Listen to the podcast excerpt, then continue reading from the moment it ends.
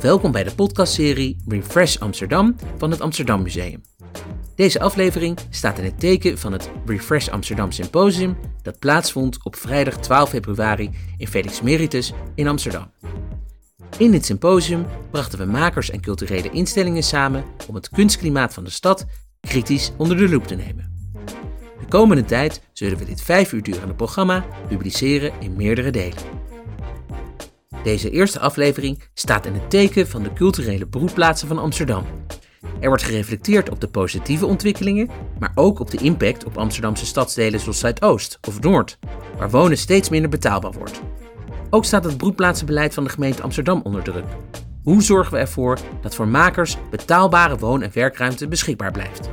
Hoe kunnen de broedplaatsen duurzame relaties aangaan met de stadsdelen waarin ze gesitueerd zijn? U gaat luisteren naar Massi Hoetak en Terra Dakota Stijn van Verdedig Noord, Tim Vermeulen van de NDSM-werf, Erich van Heesterveld Creative Community en Nadja Benchagra van W139. De moderatie is in handen van Margriet Schavenmaker.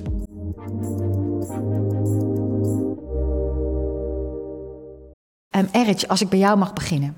Uh, jij uh, zit in Zuidoost, beroepplaats de HCC, hè, Heesterveld. Um, als je dit zo hoort, waar denk je dan aan? Want die beroepplaats is opgezet toch met een, met een missie om juist een soort speelfunctie in Heesterveld te zijn. Um, ik vind het best wel ernstig dat, dat dit probleem wat aangekaart werd, of de problemen waar we tegenaan lopen, um, dat het blijkbaar een globaal probleem is. En dat het niet alleen, want ik kon me heel erg vinden in heel veel dingen die ze zeiden. En het was ook wel een reality hit van ja, shit, dit, dit, is, dit is dus een groter probleem dan. Um, Want jij voelt dit ook eigenlijk, dit spanningsveld weten. met de buurt? Zeker weten. Ja? En de buurt die ook echt niet betrokken wordt bij, uh, binnen deze communities. En doe je daar zelf dingen al nu mee of is dit een wake-up call?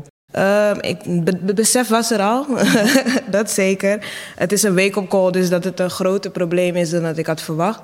Um, maar ik ben altijd wel al nou, met zo zeggen, in mijn projecten probeer ik altijd wel de buurt te betrekken. Uh, dat heb ik altijd al gedaan. Um, heel erg vissen in mijn eigen omgeving. En, en Kun je daar een voorbeeld van noemen? Uh, nou, ik zelf ben een visual artist, um, fotograaf. En modellen, die zijn eigenlijk heel vaak uit Zuidoost, merendeels. Um, maar ook behind the scenes probeer ik ze altijd wel te pushen van... Ik weet niet, ik heb soms zelfs een soort van therapie-sessies van... maar wat wil jij en wat wil jij worden? En, en hoe, kunnen we dat, nou, hoe kunnen we dat motiveren en, en naar, naar voren brengen? Dus ik heb altijd wel dat... bijvoorbeeld dan ook behind the scenes... dat ze me helpen assisteren. Om ze gewoon een beetje mee te nemen erin, in die ervaring. Nou, maar dus wel mooi dat je zegt... ik, ik probeer het al, maar eigenlijk als ik dit zo hoor... moet het misschien fundamenteler. Nou, daar kunnen we zo over, over doorpraten... wat je daarvoor nodig zou kunnen hebben ook. Um, even, Nadia... Ja. Weelde 39. Misschien wel de eerste broedplaats in, in Amsterdam op een bepaalde manier gezien. Hè? De lang, lange traditie, kunstenaars, door kunstenaars zelf opgezet in het centrum. Maar nu in zwaar weer. Ja. Als jij dit zo hoort, uh, ja, jou, jouw hart zit misschien ergens anders. Hè? Zondag is er een actie om Weelde 39 juist in leven te houden. Ja, klopt. Als je dit zo hoort, wat, wat gaat er door je heen? Ja, dit is ons bekend. Ja. Uh, wij houden ons uh, buiten dat we natuurlijk actief zijn zelf in het centrum. We zitten zelf inmiddels 41 jaar in de Warmoestraat. Um, werken wij natuurlijk met makers uit Amsterdam. Uit Nieuw-West, uit Zuidoost, uit Noord. Ook wel buiten de stadsmuren of buiten Nederland. Uh, maar we horen natuurlijk ook van de situaties waar zij in zitten. En dat er gewoon uh, een heel groot verschil zit tussen hoe mensen wonen, werken en leven en hoe er beleid gemaakt wordt. Uh, en dat dat niet altijd, of eigenlijk heel vaak niet, uh, mensen voorop heeft staan. En als je dan nu kijkt, zeg maar dat jullie, vooral de presentatieruimte wel 39 nu zit in zwaar weer. Ja.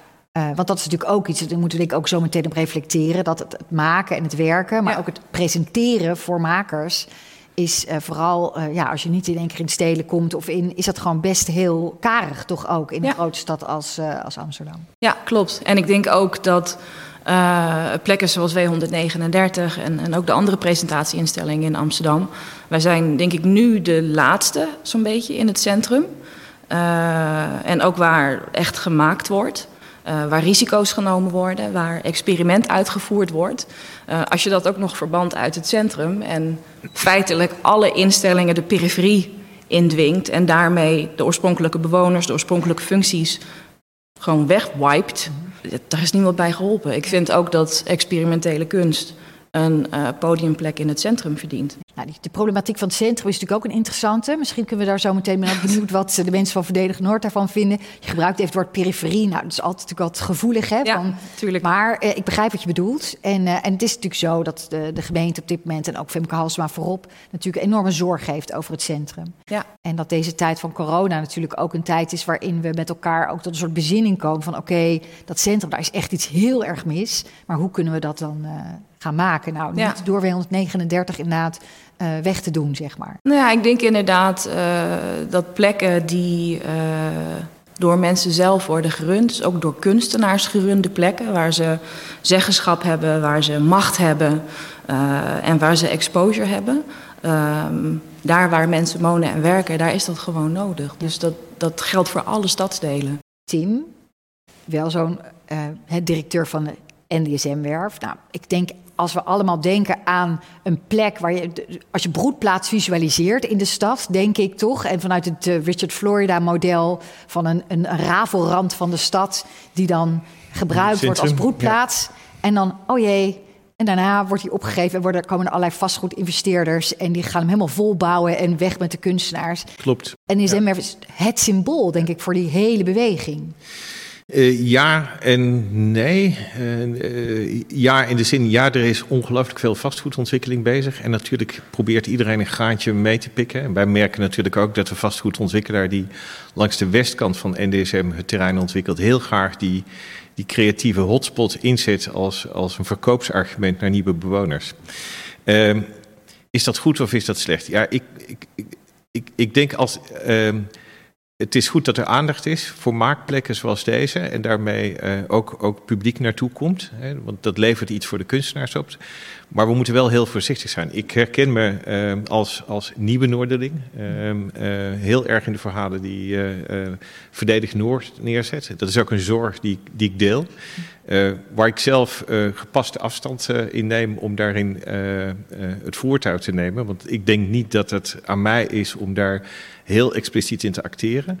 Uh, tegelijkertijd probeer ik natuurlijk wel vanuit NDSM deze beweging ook mee te helpen faciliteren om hierover na te denken. En er zijn eigenlijk twee dingen aan de hand met zo'n broedplaats. Uh, het eerste is natuurlijk wat zij vertellen van hoe kan deze plek weer een plek van de wijk zijn en van de buurt. Uh, eh, NDSM is complex daarin, want het is eigenlijk een nieuwe buurt uh, die volledig uit de grond wordt gestampt, maar grenst aan die oude wijken.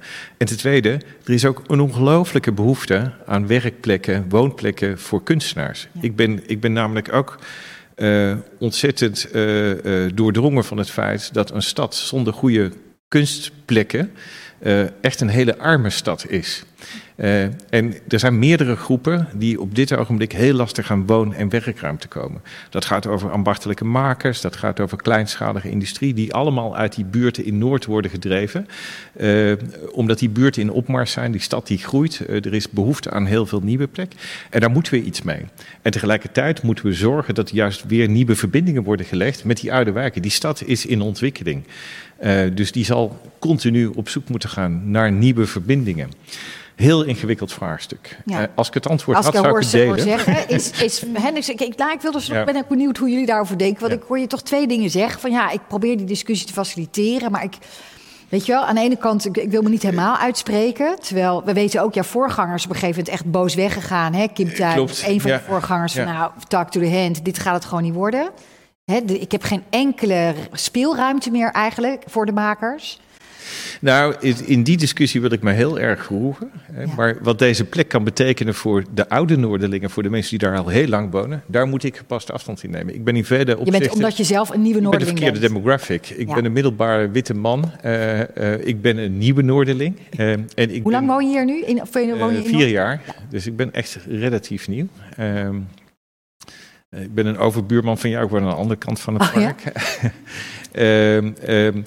Um, Dus in die discussie moet ik vooral luisteren en kijken wat ik vanuit mijn ervaring eventueel kan bijdragen om, om die, die transformatie, want daar hebben we het over. Hè? Eh, we kunnen die gentrification niet meer terugdraaien in de zin van uh, we kunnen hem niet ongedaan maken. We zullen er iets mee moeten, we moeten door. Uh, de nieuwe stad is geen tabula rasa waar je in één keer opnieuw ergens uh, in ideale omstandigheden... En die is een stad in ontwikkeling. wordt erbij, ja. zeg maar. Massie. Ja, ja nee, uh, ik, ik zou er een boek over kunnen schrijven. ja, dat heb je ook gedaan. Oh ja. Wat hij ook gedaan heeft inderdaad. Ja, en, en waarin ik ook zeker zeg van het gaat niet om het tegenhouden. Nee. Het gaat om het behouden wat we kwijtraken. Klopt. En wat we kwijtraken in, het, uh, in dat geloof van groei en welvaart ten koste van alles en iedereen.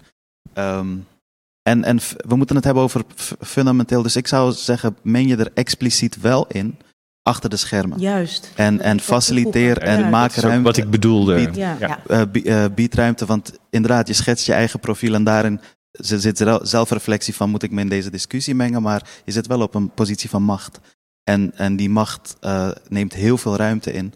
En die ruimte uh, moet je delen. Moet je dat, dat, dat, is ook wat ik, wat ik bedoel. Ik bedoel, ik, ik wil me niet aan de discussie onttrekken. Ik, ja. ik vind dat ik ook een verantwoordelijkheid heb deze. Maar dat is inderdaad zoals jij schetst. Achter de schermen, ja. faciliterend. Met de ervaring en de positie die je hebt, kan je er iets aan veranderen. Ja. Maar ik ben niet degene die moet vertellen welke richting het uitgaat. Ik moet de stemmen die daarin zijn uh, faciliteren ja. en vooruit helpen. Precies, en, en structureel en ook substantieel.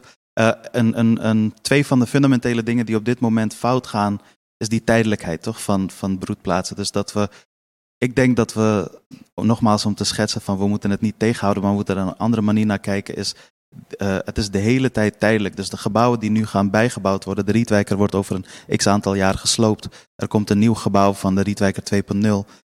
Die moet niet tijdelijk zijn. En er moet nu al voor gesorteerd worden door de wijken. En op het Buikzotermeerplein wordt ontzettend veel zogenaamde masterplannen gepresenteerd. Daar worden allerlei tijdelijke ideeën. Het is de hele tijd tijdelijk, waardoor de zittende huurders van de broedplaatsen natuurlijk ook gaan denken: hoeveel ruimte krijg ik om een commitment met de wijk aan te gaan?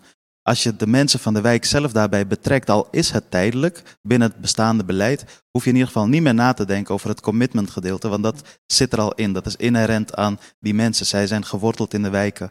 En het tweede is dat uh, de kunstenaars en de ondernemers uh, beleidsmatig moeten worden uitgedaagd om behoeftegericht te werken.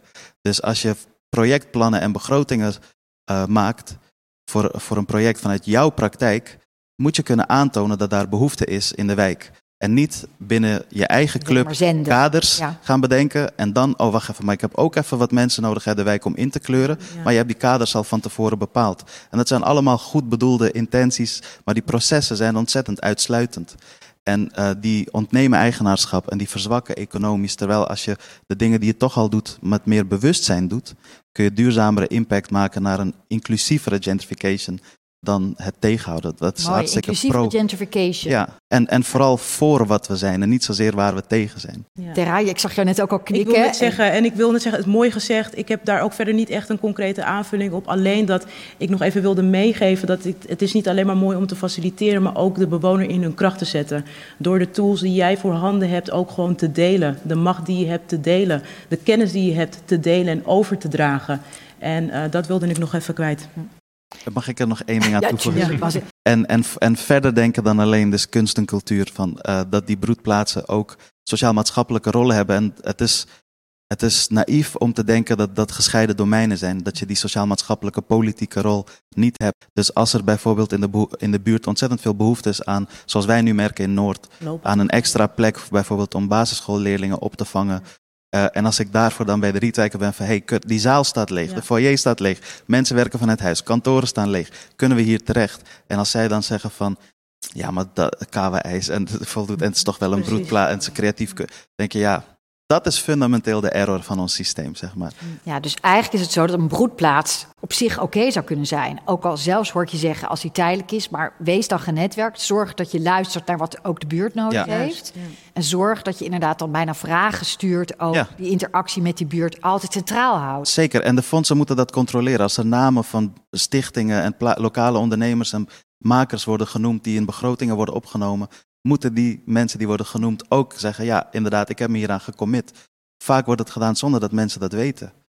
dat soort codes moeten we durven opstellen met elkaar. Erik, zou, zou jou dat helpen als je op die manier eigenlijk ook zo bijna gedwongen wordt om te denken: hoe ga jij zorgen dat je na het vragen stuurt ook werkt en produceert en je wordt daar ook op gecontroleerd? Uh, toevallig was het afgelopen week was ik bezig met invullen van een fonds. En toen was, moest het daar ook aan voldoen dat je echt uh, iets voor de, zeg maar, tegelijkertijd ook een opbouw was voor de buurt. Um, en ik was, het was verfrissend of zo. Van ja, inderdaad, lekker even zo aanpakken. Omdat anders gaan al die potjes ook naar uh, mensen die die helemaal niet denken aan de buurt, weet je. Of die daar helemaal niet mee bezig zijn. Dus confronteer ze er lekker mee. En, en zet die verantwoordelijkheid, schuif het ook lekker op hun. Dus ik vind dat een, zeker een goede approach. Maar zie je dan bij jou in, bij HCC, zeg maar, ook makers die... Ja, wat, dat mag natuurlijk ook zijn, hè? Makers die gewoon heerlijk autonoom aan het scheppen zijn, aan het creëren zijn, zonder die buurt.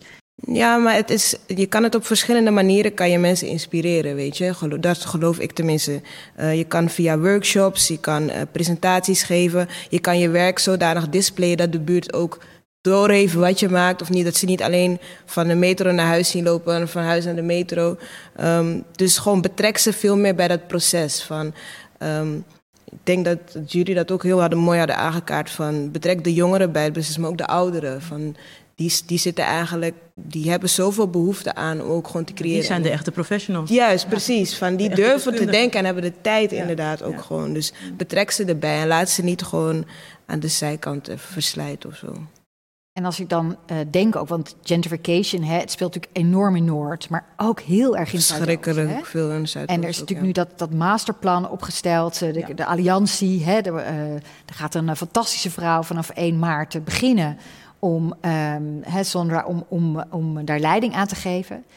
Heb jij daar nou het gevoel van, hé, hey, daar kunnen wij ook vanuit onze broedplaats misschien een, een, bijdrage leveren? Of zijn jullie überhaupt, is er met jullie gesproken voor dat masterplan? Uh, ik ben zelf niet op de hoogte van het masterplan. Okay. Maar het, ja. um, zolang het in de voordeel is van de bewoners en voor de buurt en voor de opbouw, zeg ik go. En ja. klinkt het goed. Maar het moet niet. Ik ben ook moe van um, uh, die aan, zeg maar, um, hoe zeg je dat?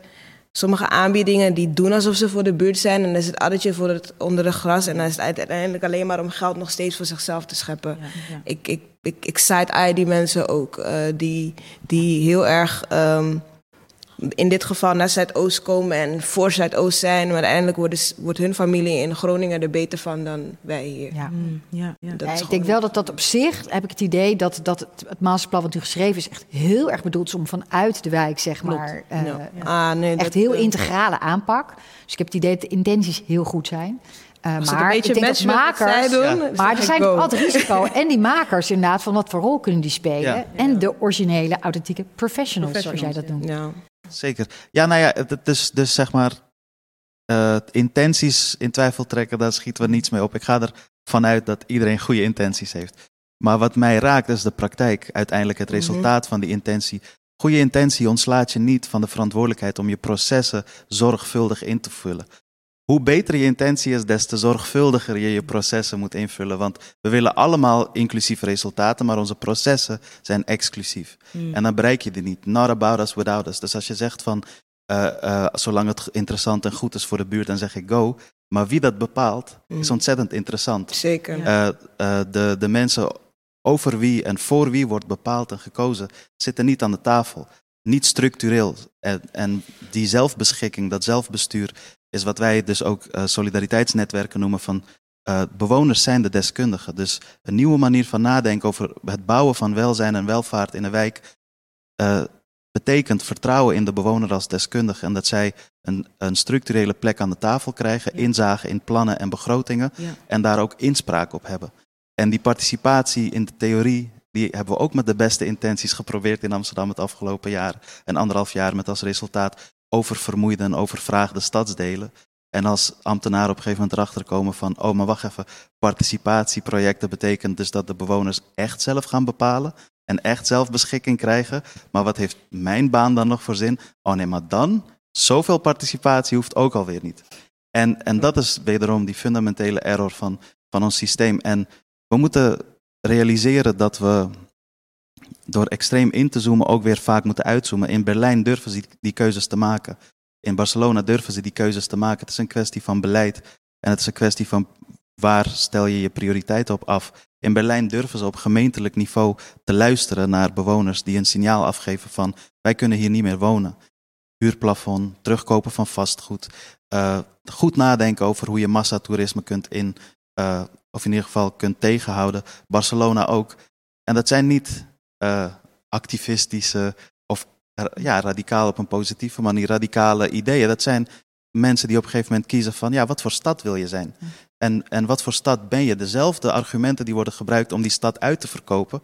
Het authentiek Amsterdamse karakter, de creatieve plekken, de uh, lokale ondernemers zijn precies dezelfde mensen die je uitsluit. En als je eenmaal mensen binnen hebt gehaald die daarop zijn afgekomen, zijn die ook bedrogen uitgekomen. Want vervolgens maakt het niet meer uit of je in Berlijn of Brooklyn of Buikstottermeerplein woont. Het zijn allemaal hetzelfde soort wijken. Dus die zelfbeschikking en dat zelfbestuur naar de bewoners toe, mhm. is dat de fundamentele verandering. En dat ook gecheckt wordt. Ook. Gewoon, dat, dat zei je al eerder, dat vond ik echt een goeie. Dat gecheckt wordt en dat er ook echt uh, vooral gecheckt wordt van werpt het vruchten af. Van, ja. Is het vruchtbaar wat we doen en gebeurt er ook echt die impact en inderdaad meten. Dus ook weer wees inderdaad dus super concreet. Maar ook hoor ik jou zeggen, wees ook radicaal in je openheid. En in inderdaad hoe mensen mogen meebeslissen. Inclusie. Maar je hebt het dan over bewoners. Ik ga weer eventjes naar W39. Een plek hier waar relatief ongelooflijk weinig bewoners eigenlijk... en ook weinig diverse bewoners. En weinig authentieke bewoners misschien ook. Het centrum heeft heel erg zijn eigen problematiek. Mhm. Hoe daar nou mee verder? En hoe dan vanuit kunstenaars ook en broedplaatsen daar een bijdrage aan leveren? Ja, ja nee, dat is een goede vraag. Um, ik denk dat we. Veel mensen weten niet dat W139 onderdeel uitmaakt van het Blauw Lakenblok. Dat is een stukje Warmoestraat en Sint-Annestraat dat is gekraakt in de jaren 70. Uh, eh, de mensen die dat gekraakt hebben, die hebben er echt voor gezorgd dat het nu is wat het nu is. Er zijn ateliers, er zijn gesubsidieerde plekken voor culturele ondernemers in plintfuncties. Dus niet achteraf in een straatje, maar gewoon vooraan de straat. Sociale huren. Uh, er zitten heel veel sociale huizen achter W139. We hebben samen met de bewoners ervoor gezorgd dat er een dansstudio behouden is gebleven voor jonge, uh, jonge kunstenaars en jonge dansers. Um, maar alles komt vanuit organisatie, solidariteit en, en ook zelfbeheer. Um, en ik denk dat dat is in de rest van het centrum compleet losgelaten. En ik ben het helemaal eens met je argument van de tijdelijkheid. Alleen het gaat nog veel verder voor heel veel makers. Het is tijdelijke uh, ateliers in de broedplaatsen. Ze wonen heel vaak anti-kraak tijdelijk. Tijdelijke horecacontracten. Alles is tijdelijk en tel daar soms nog bij op dat mensen niet in Nederland zijn geboren of uh, niet Europees zijn. Uh, toch ondernemer zijn, maar buiten alle mazen vallen. Dan opeens komen ze nergens voor in aanmerking. We merken het met de KAWA-toets inderdaad, dat er heel exclusief gehandeld wordt. En op het moment dat wij als instelling met bepaalde makers willen werken, die een niet-traditionele opleiding hebben gevolgd via een kunstacademie, uh, mogen we ze opeens niet honoreren als een kunstenaar. Ja, dat klopt niet. Dus ook de voorwaarden van uh, de mensen die ons opdracht geven om onze publieke taak te vervullen, moeten ons daarin ook die ruimte geven dat wij best kunnen beoordelen welke praktijken wij willen laten zien, wie wij willen ondersteunen. En of dat nou van de Rietveld komt of van het MBO of van het Mediacollege, dat maakt niet uit. Ja, ik denk dat is een heel goed, goed punt. En dat zal ook echt nog publiek thuis ook uh, nog echt vaak uh, aan bod komen. Ja. Want uh, dat heeft te maken natuurlijk ook met de criteria van de fondsen. Met ook hoe de hele infrastructuur geregeld is. Nou, ik ben zelf al jaren ja. adviseur bijvoorbeeld uit Mondriaan Fonds. En ik zie ook deze ja. problematiek echt elke keer voorbij komen. Um, en inderdaad, dat vertrouwen dan weer uh, van inderdaad dat die fluiditeit van die praktijken, ja. uh, dat er mensen zijn die dat met elkaar kunnen beoordelen. Precies, en, en ik denk dat dat ook zeg maar nu het, het, hetgeen is waarom uh, W139 deels buiten de boot valt. Hè? dat komt niet alleen doordat we de subsidie zijn verloren, maar ook vanwege hè, nu met corona. we worden gerund door kunstenaars. Onze organisatie is voornamelijk kunstenaars. Uh, en wij maken geen langetermijnen, uh, langetermijnplannen. We hebben een langetermijnvisie van we willen de W voor nog 50, 100 jaar beschermen voor de volgende generatie makers. Um, maar het betekent wel dat we niet gaan invullen wat de urgenties zijn van mensen.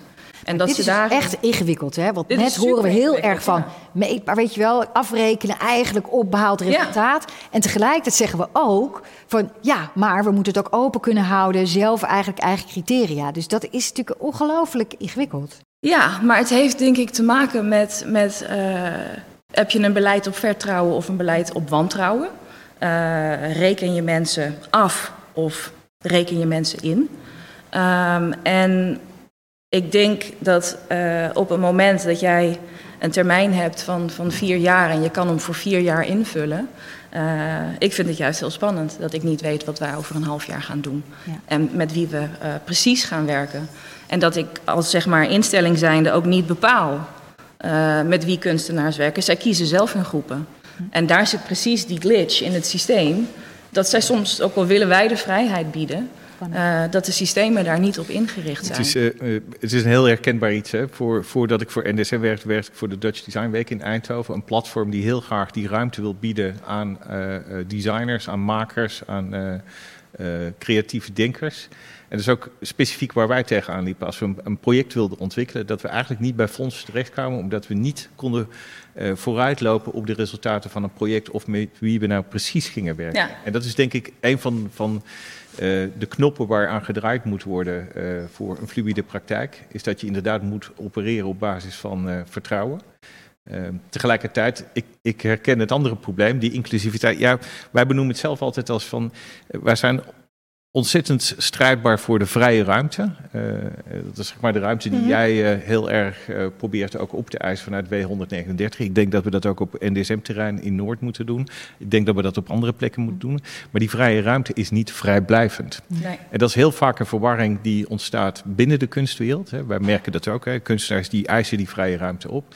Maar er- daar staat ook een maatschappelijke verplichting tegenover, vind ik zelf. Eh, Niet iedereen is daar met mij eens. Hè, Maar het gaat er ook over, in ons geval, wij, wij opereren in de openbare ruimte. Dat, dat is ons werkterrein op het NDSM. Ja, wij beschouwen dat ook als publieke ruimte. Maar wie is het publiek dan? Van wie is die publieke ruimte? Wie krijgt daar een stem? Eh, wie mag daar bepalen waar het over gaat? Nou, dat is een discussie die we met elkaar continu moeten voeren. Dat is niet in één keer eh, afgelopen, maar dat is iets waar je continu aan werkt. En daar heb je die vrije ruimte voor nodig, optimaal. Ja. Complex. Ik probeer een beetje, hè, we zijn nu eh, richting de tweede helft eh, van, van dit panelgesprek. Ik, ik roep, riep in het begin al op van we moeten ook proberen het zo concreet mogelijk te maken. Maar we hebben het hier eigenlijk over hoe lastig dat is. Inderdaad, dat vrij, vrijblijvend. Ja, probeer inderdaad heel concreet te zijn hoe je het doet en tegelijkertijd vertrouwen te geven. Als jij zegt, jij gaat voor een soort van positieve vorm van eh, ja, eigenlijk gentrification counteren en inclusiever maken. Hoe maak je dat meetbaar? En als je dat verhoudt tot deze discussie, tot die broedplaatsen, wat voor tips heb jij? Jij bent hier nu jaren mee bezig. Wat voor tips heb ik, is iets anders dan hoe maak ik het meetbaar. Ja, nou, pak die maar eerst. Ja. Ehm, kijk, ik, eh, als het Parlevinkerplein, waar de Rietwijker staat, is een heel, inter- hele interessante plek. Het grenst, de Rietwijker grenst aan eh, eh, een paar basisscholen daar. daar aan de tegen, tegenover het plein heb je een zorginstelling en een koffieshop. Zowel de basisschool als de zorginstelling, als de koffieshop en iedereen die daar werkt en komt, op al die drie plekken hebben geen idee wat in de Rietwijker gebeurt. En, wat, en of die plek nog open is en, wat daar dan, en of, of zij daar mogen komen. Dat de senioren aan ons vragen, mogen wij daar nog komen met zo'n staat van dienst en geschiedenis op die plek, is voor mij de toets. Als zij zich daar welkom voelen, als, als, als die deur open staat, eh, als de ramen terugkomen die er zijn dichtgebouwd eh, eh, aan de buitenkant van de zaal. Dus ik zou zeggen, de meetbaarheid is dat ehm, als je de buurtbewoners vraagt naar, en wat vind jij van de gentrificatie van Bannen 2? Dat zij niet denken van, hè, Huh? wat? Maar dat is gewoon. Ja, precies. Dat ze meteen weten van, oh ja, ik, inderdaad, ik zit in die en die groep en ik ben daarbij gevoegd en er wordt naar me geluisterd. En ik eh, heb een structurele plek en er wordt naar, me, eh, ja, wordt naar me geluisterd. Ik denk dat dat de beste meetbaarheid is en kijken naar het welzijn. Dus dat je welzijn en welvaart altijd tegelijk als, als twee samenhangende dingen ziet. En als we op dit moment kijken dat mensen van diep in de negentig gestrest zijn met wanneer wordt, gaan ze onze huizen slopen en we willen niet verhuizen. Dat is volgens mij ook een toets. Het van, van het is ontzettend exclusief. En, dan- en zo kan je doorgaan. Je hebt jongeren in de wijk, die, in de bannen heb je helemaal geen jongerenvoorziening. al decennia niet volgens mij. En er wordt er zo, ja, sinds de Rietwijken natuurlijk dicht is gegaan. En er wordt zo zoveel aan ze gevraagd van waar heb je behoefte aan? Aan studio's, aan danszalen, aan uh, studiezalen. Ehm, kinderopvang uh, die toegankelijk en betaalbaar is voor alle gezinnen. Al die publieke voorzieningen zijn vermarkt en zijn gecommercialiseerd, waardoor ze niet meer voor het publiek beschikbaar zijn, niet voor iedereen. En, en uh, dan zou Je ziet een grotere rol voor de overheid. Zeker, ja, die uh, moet om, dat, samen doen. om dat te pakken. Ja. ja. Ter, jij, jij, bent jurist ook, hè? En um, um, als je het dan eigenlijk hebt over, nou ja, toch precisieregels, inderdaad. Uh, denk je dat die samenleving dus eigenlijk weer, gaan jullie naar meer socialistische samenleving dan, toch? Waar jullie naar vragen. Een, een, overheid die veel meer verantwoordelijkheid neemt. Zeker. Maar dat dan met de burgers Ik wil net zeggen, en om even terug te komen op jouw eerste vraag over in hoeverre is dat meetbaar. Ja. ja ik denk die meetbaarheid kun je ook zien in hoeverre de, de bewoner zich gehoord voelt, maar ook in hoeverre de bewoner mag meedoen, mag meeparticiperen, ook mag zijn, gezien en gehoord voelt. En als dat, niet, als dat, niet, als dat er niet is, ja, dan, dan heb je je antwoord al klaar, wat mij betreft. En um, um, ja, maar inderdaad, vanuit Verdedig Noord kijken we dus naar hoe we een, een inclusieve maatschappij, een inclusieve wijk kunnen creëren. En uh, uh, we doen dat vanuit die socialistische beweging, inderdaad, waar wij in, uh, wat ja. we aan het creëren zijn. En daarin, als ik even zeg, die, als we dan teruggaan naar het thema van, van die broedplaats. Ja. Um, dan zou dat absoluut een model kunnen zijn, maar wel maar een wel met... gestoeld is op het model van het buurthuis en, en echt gaat om gesprek en luisteren naar de buurt. Precies. Ja, en daarom noemen we het buurthuis 3.0, of in ieder geval het buurthuis ja. van de toekomst. Om nieuwe waarheden te creëren moeten we heel erg nadenken over nieuwe taal waarmee we die waarheid duiden. En wij proberen alles eraan te doen om de huidige bureaucratische termen te voorkomen. Dus weet Juist, je, broedplaats, ja. collega's en Ja. Maakplaats uh, sectoren. ook, hè? Het zijn allemaal, ja. Ja, en, en maar uh, nog even terugkomend op, zeg maar, dus ja, we zijn een socialistische beweging, maar ik wil echt voorkomen dat we, we, we streven naar basale mensenrechten. Huisvesting is een universeel mensenrecht. Ja. Betaalbaar wonen is de verantwoordelijkheid van onze overheid om dat te voorzien voor alle bewoners. Ik wil echt voorkomen dat het lijkt alsof we een extreem nieuwe manier van Ja, samen. Nee, maar we vragen, niet, we vragen niet om liefdadigheid. Laten we dat voorop stellen. We vragen om waar we recht op hebben. Op dit punt vragen we niet eens om solidariteit. Maar geef ons waar we recht op hebben. Bewoners betalen decennia huren die jaarlijks worden verhoogd. Een markt, uh, een dak boven je hoofd heet wooncarrière. Weet je. Een huisvesting heet uh, woningmarkt. In ieder geval, mensen betalen dat. En we hebben nog steeds lode leidingen in Noord. Hè? En, en uh, we hebben slecht geïsoleerde, slecht geventileerde huizen. Senioren die niet weten op hun oude dag, die de stad en het land hebben opgebouwd voor ons, niet zeker zijn van of ze daar nog kunnen blijven wonen en moeten strijden op hun hoge leeftijd. Dat het wil echt voorkomen dat het lijkt van, oh, hier heb je een socialistische beweging die iets extreem. Nee, we vragen om onze basale mensenrechten. Ja. En al die domeinen hangen met elkaar samen. Ze zijn niet vrijblijvend. En um, dat wil ik echt even benadrukken. Mm -hmm. Dat we beseffen dat uh, de, ware, de dagelijkse uh, praktijk radicaal fout is. En niet zozeer stempels op ons plakken. Maar Tim, bij jou dan, uh, de NSM, want jullie. Ja, wij, wij, wij hebben een heel bijzondere ruimte. Hè? Wij, zijn, wij zijn ook een tijdelijke ruimte. In principe tot 2028 kan er op de oostelijke NSM-werf niet gebouwd worden. Uh, tot die tijd zijn we eigenlijk uh, veilig. Uh, maar er is een hele grote kans om dat uh, nu, in dit tijdsgevricht, wel te gaan veiligstellen dat het ook na 2028 is. Dus een wethouder, wethouder van Doornik, die wil de werf radicaal gaan vergroenen. Volgens mij een heel goed idee, want ik denk dat groen in de stad ongelooflijk bijdraagt aan die leefbaarheid. Maar ik denk dat het tegelijkertijd de uitgelezen kans is om de plek weer terug te claimen uh, voor de buurten of te ontwikkelen voor de buurten en tegelijkertijd een culturele bestemming te houden. Dus daar zitten wij heel erg in. Een groene NDSM-werf, een park. Een groenere NDSM-werf. Nou, wij noemen het zelf, uh, wij denken stiekem na over de term stadslandgoed. Een collectieve. Okay. Kijk, wat, wat, er nu gebeurt is, uh, je wordt verkaveld. Hè? Dan uh, staat er weer een horeca-ondernemer op die zegt, ja, maar ik zit hier al tien jaar. Ik wil blijven. mijn klanten vinden dat belangrijk dat het zo is.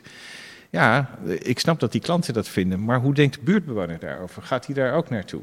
Dus dit is, dit is een vorm van collectiviteit. En op dit ogenblik ook de culturele sector, ook de boetplaatsen die opereren vooral voor hun eigen voortbestaan. Wat ik heel goed begrijp, en dat merk je ook in deze tijd van corona. Het is logisch dat die horeca-ondernemers vechten voor hun voortbestaan. Maar dit is het moment om op te staan en te zeggen: nee, we gaan een collectieve beweging vormen. En vanuit die collectieve beweging kijken we zowel naar dat particuliere ondernemerschap, wat mogelijk moet zijn, hè, maar tegelijkertijd we borgen ook een aantal dingen. En er is een soort van basiszorgplicht voor hè, wat je nodig hebt in een buurt. En of dat nou socialistisch is of uh, een andere werk, ja, dat maakt mij niet zo heel erg veel uit. Ik ben daarin, uh, denk ik, toch wat anders uh, politiek gezien. Ehm, maar waar het over gaat is, als je vrijheid wil met elkaar, dan zal je er toch voor moeten zorgen dat je de mogelijkheid tot vrijheid voor iedereen borgt. Want anders is vrijheid niks waard. En daarin is zo'n vorm, in zo'n buurt, die collectiviteit is waanzinnig belangrijk. Mooi, nou dus we hebben al Kraken eigenlijk 3.0, Landgoed 3.0 met prachtige vormen van vrijheid en geen vrijblijvendheid. Na het buurthuis 3.0. Erich, HCC of überhaupt Zuidoost, hoe kijk jij naar de toekomst als je dit zo hoort? Ik geloof altijd, uh, verander de wereld begint bij jezelf. Hm. Dus um, als je, ik zelf, naar aanleiding van uh, dit gesprek, uh, geeft het mij alleen maar meer een push om, om meer de buurt erbij te betrekken. Um, en ik zou eigenlijk een ieder dat aanraden. Als maker ben ik iemand die liever maakt dan spreekt. Ja, fijn dat je dus, toch uh, zit. Ja. ja, nou, dankjewel. Ja. Um, uh, dus ik, ik zou vooral gelijk willen doen. Ik, ik zelf um, wil ook aan ieder aanraden, elke maker of iedereen die op een bepaalde positie zit om iets te doen. Als je niet per se uh, vindt dat je de, de, kracht hebt om te spreken, probeer wel in je handelen, zeg maar, daarnaar te handelen. Of probeer wel... Um, probeer wel gewoon dat, dat, die extra hulpmiddel voor de buurt te zijn of zo. Heel mooi. Dat, Want uh, dit zijn grote projecten waar we het over hebben, maar jij maakt het in één keer weer heel doelbel. Bij jezelf leg je het neer, ja. bij ons ja. allemaal. Omdat iedereen, like, je kan wel, en het is naar niemand toe, hè, maar je kan zeggen van moet veranderen, moet veranderen, maar wees die verandering. Ja, ja heel mooi. Wees die verandering. Nou. Ja, ik denk dat we met deze wijze woorden eigenlijk gekomen zijn aan het einde van, uh, van dit panelgesprek. Mm. En ik wil jullie ongelooflijk danken, want ik denk dat jullie samen ook heel mooi het hele palet hebben laten zien van wat er op dit moment speelt. Als je nadenkt over broedplaatsen uh, in de stad, in verschillende wijken met verschillende perspectieven. Uh, we zijn het misschien best met elkaar eens en, en tegelijkertijd is er nog ongelooflijk veel te bevechten.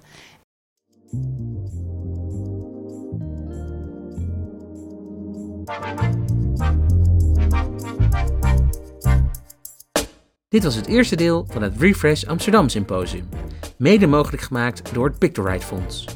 Wil je deze hele uitzending of het hele symposium terugkijken? Dan kan dat ook op onze website www.amsterdammuseum.nl of via het YouTube-kanaal van het Amsterdam Museum. Als u wilt reageren op deze podcast, dan kan het door te mailen naar podcastapenstaartje amsterdammuseum.nl. En we vinden het heel leuk als je een review kunt achterlaten op iTunes.